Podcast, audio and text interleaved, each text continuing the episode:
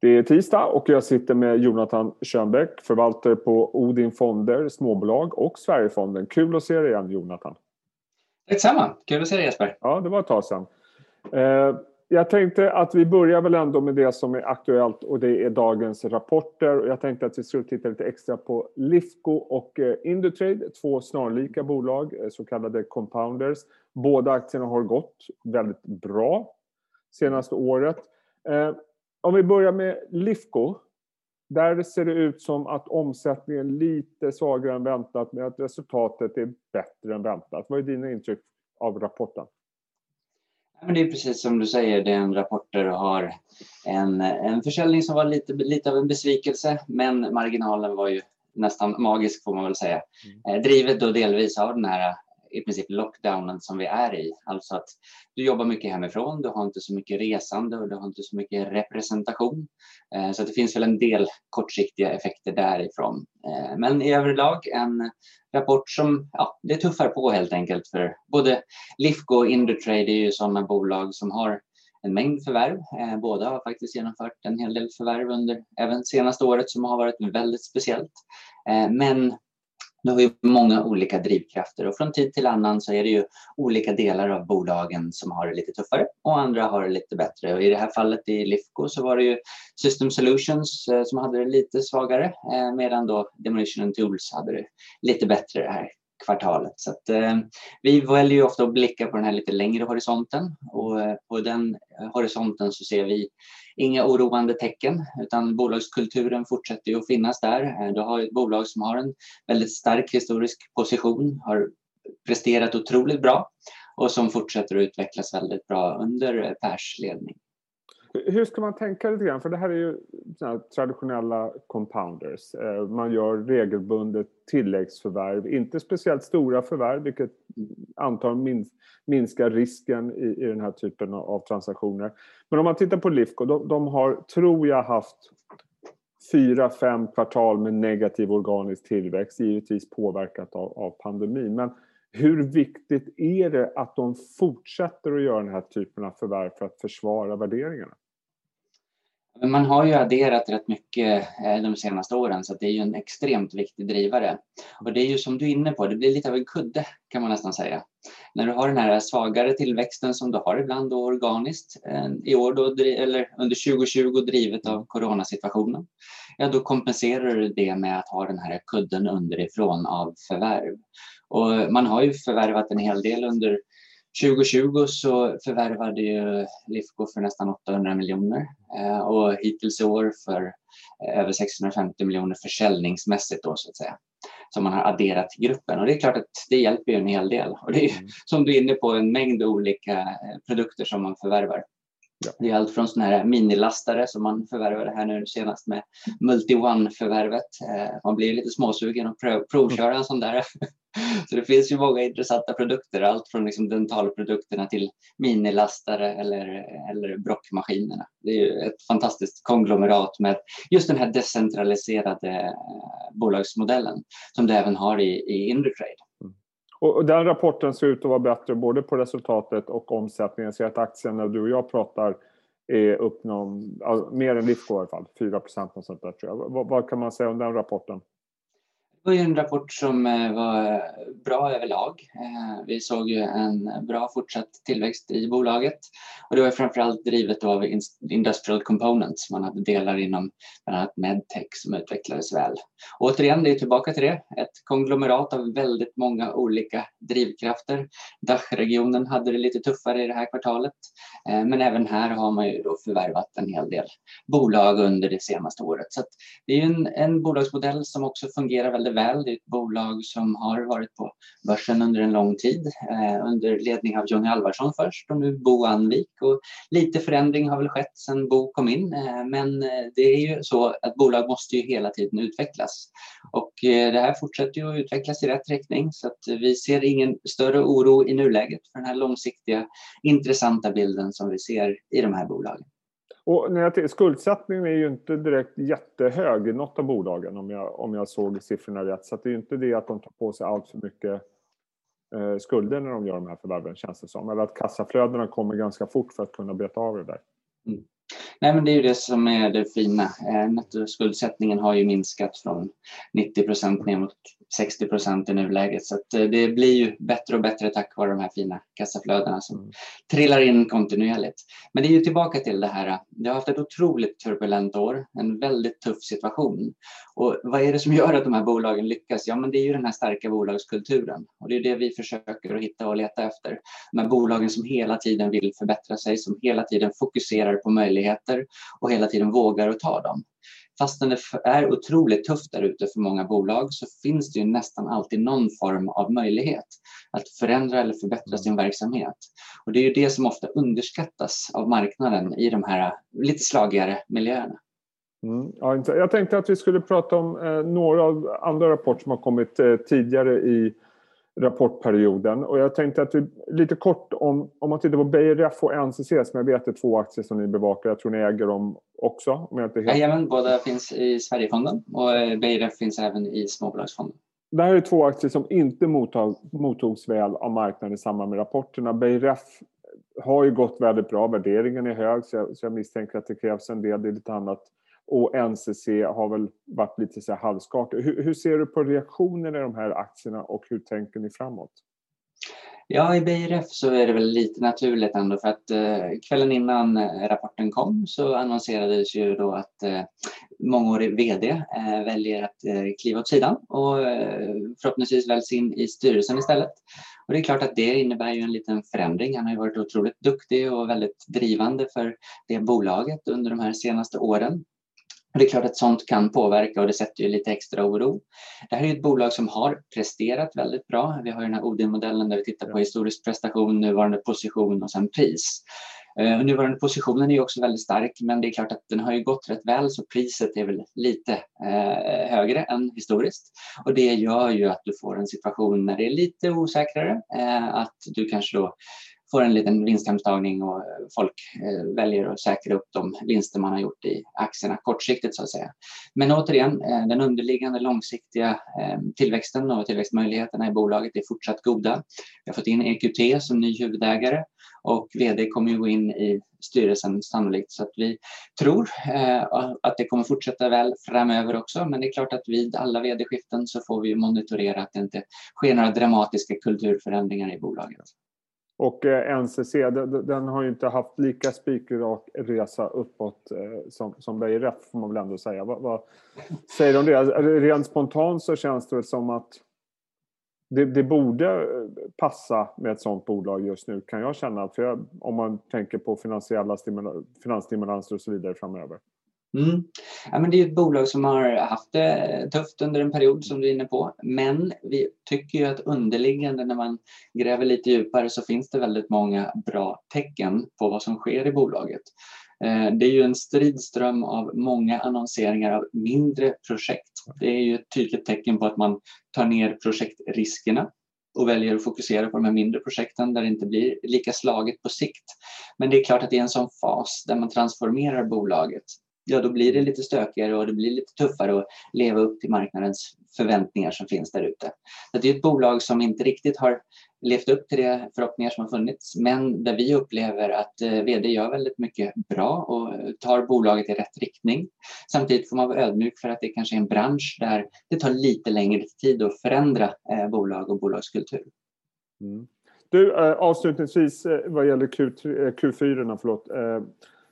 En aktie som förvånar mig att marknaden är lite mjugg för det är Essity. Jag, jag, förstår att de har haft utmaningar under pandemin men, men jag, när jag tittar på rapporten så tycker jag den var stabil. och Jag tycker framförallt var nästan överraskande positiva kommentarer för ett par av affärsområdena längre fram. Ja, absolut. Eh, det är ett bolag som är välpositionerat. Eh, ett bolag som har det väldigt tufft nu, drivet av pandemin och sen så är det ju alltid den här generella volatiliteten i råvarupriser som kan påverka åt olika håll. Eh, men det är ju också ett bolag som sannolikhet bör gå stärkta ut ur den här krisen. Eh, när du då bland annat börjar öppna upp flygplatser och annat och du kanske har tagit bort alla de här handtorkarna som sker med, genom att blåsa runt alla bakterier och istället ersätter det med deras torkprodukter till exempel.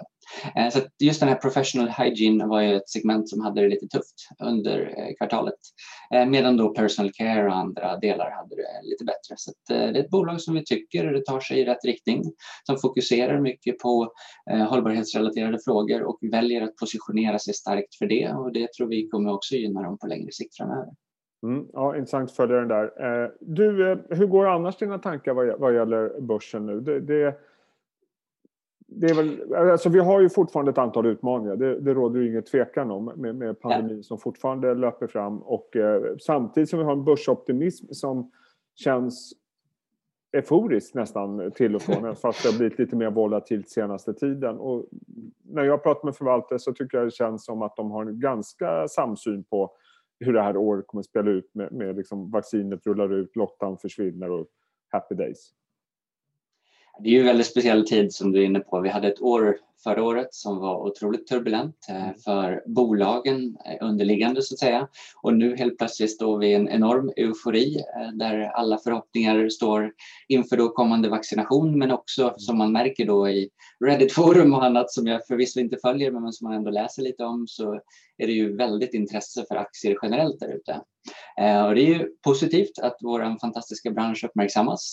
Samtidigt får man ju alltid vara ödmjuk och försiktig med spekulation. Vi investerar i bolag, vi spekulerar inte i aktier eh, och det finns väl en liten risk att det i vissa sammanhang är lite mer spekulativa tendenser. Vi är, enligt Odin-modellen måste vi investera i bolag som har historiskt varit lönsamma. Så vi har ju inte några innehav som inte har en, en grundlönsamhet så att säga. Och det gör ju att vi håller oss ifrån de värsta bubblorna och värsta spekulationen. Sen har vi vissa bolag, får vi villigt erkänna, som har expanderat multipeln en del, eh, drivet av just att de har en extremt stark position och goda framtida förutsättningar. Där är ju förväntningarna då lite högre ställda i den här rapportsäsongen så vi får se hur det faller ut. Eh, det har ju varit en bra rapporter eh, historiskt under 2020, lite bättre än förväntat men som du är inne på så är väl förväntningarna på rapporterna nu lite extra högt ställda. Ja.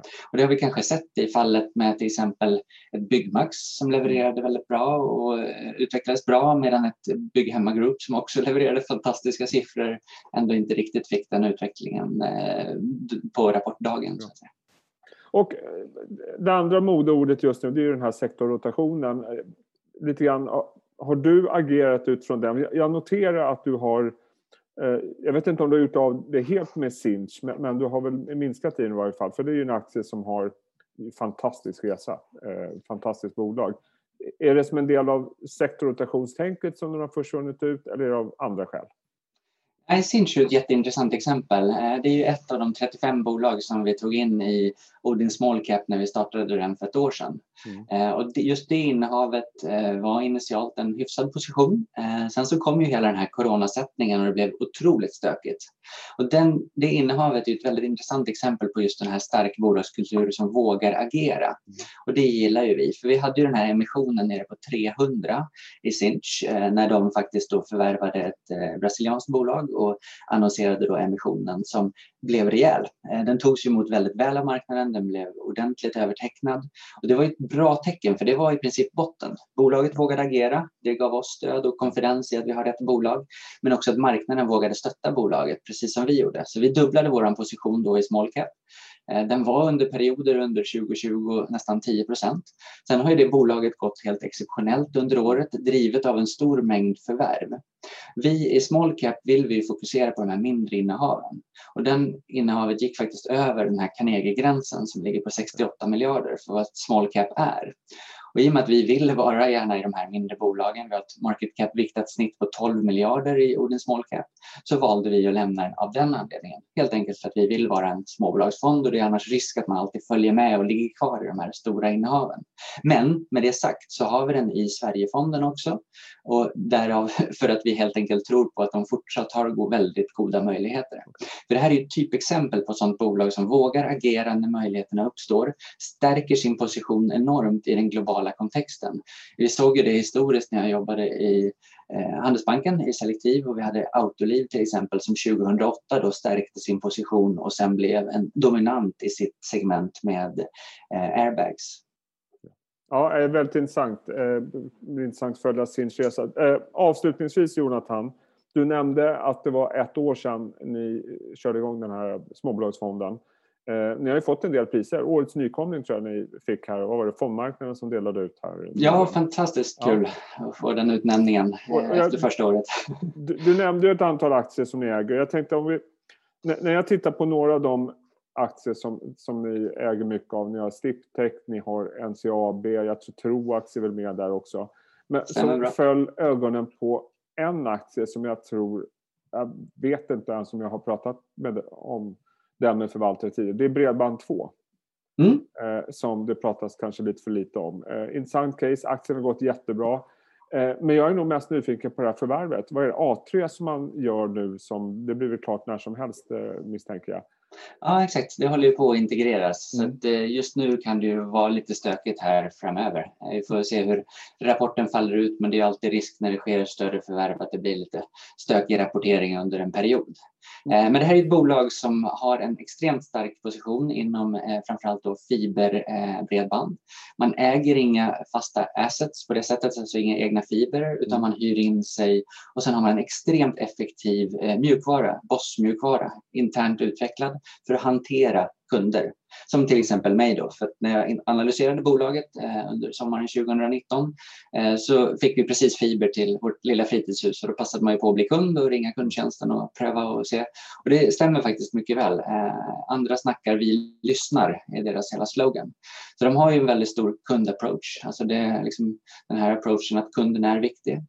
Så Tittar du historiskt så har de en god prestation. De har en stark position i sin nisch eh, som är just den här fiberbaserade eh, bredbandet och de har goda förutsättningar och trots det så är den inte extremt högt prissatt. Okay. Nu har man då förvärvat A3 eh, som ju var i princip den största konkurrenten.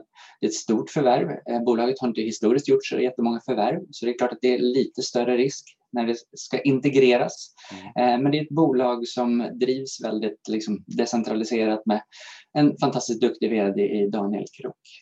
Och vad innebär det här förvärvet rent eh, konkurrensmässigt för, för eh, bredband på marknaden? Hur, mycket starkare blir de och kan de ta upp kampen mot de kanske ännu större aktörerna? Och vad kan det innebära för dem om den här integrationen går som det är tänkt?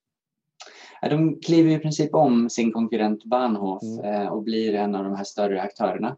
Sen är det klart att det finns några som är hyfsat stora där ute. Ja. Jag tänker på Telia och andra. Eh, det är klart att de är inte riktigt på den, den nivån, det får man vara ödmjuk för. Eh, men givet att just A3 och Bredband2 också har mm. då konkurrerat en del om kunder så är det klart att den aspekten också mjukas upp på det sättet. Så att vi får väl se vad som händer framöver. Jag är otroligt ödmjuk och vill inte liksom uttala mig om, om exakt hur integrationer går och i just sådana här fall så är jag extra ödmjuk. Eh, men vi är storägare precis som mm. många inne i bolaget. Styrelseordförande är en väldigt stor ägare och sen så även eh, vd och andra har mycket ägande i bolaget. Och vi gillar ju att investera tillsammans med eh, långsiktigt fokuserade ägare och gärna när det finns i form av management och styrelse. För då får du den här fokuset och det extra drivet mm. som man behöver i framförallt då sådana här situationer när det kan vara lite stökigare. Det får man vara väldigt ödmjuk för. Väldigt, väldigt intressant. Det ska bli kul att följa den där integrationen. Hoppas att det går bra. Och hoppas det går bra för dig och eh, ditt team på Odin här i Sverige. Eh, nu ska jag låta dig gå tillbaks och grotta i eh, kvartalsrapporterna, Jonathan. Eh, kul att se dig igen. Sköt om dig. Tack samma. Stort tack för det här Jesper.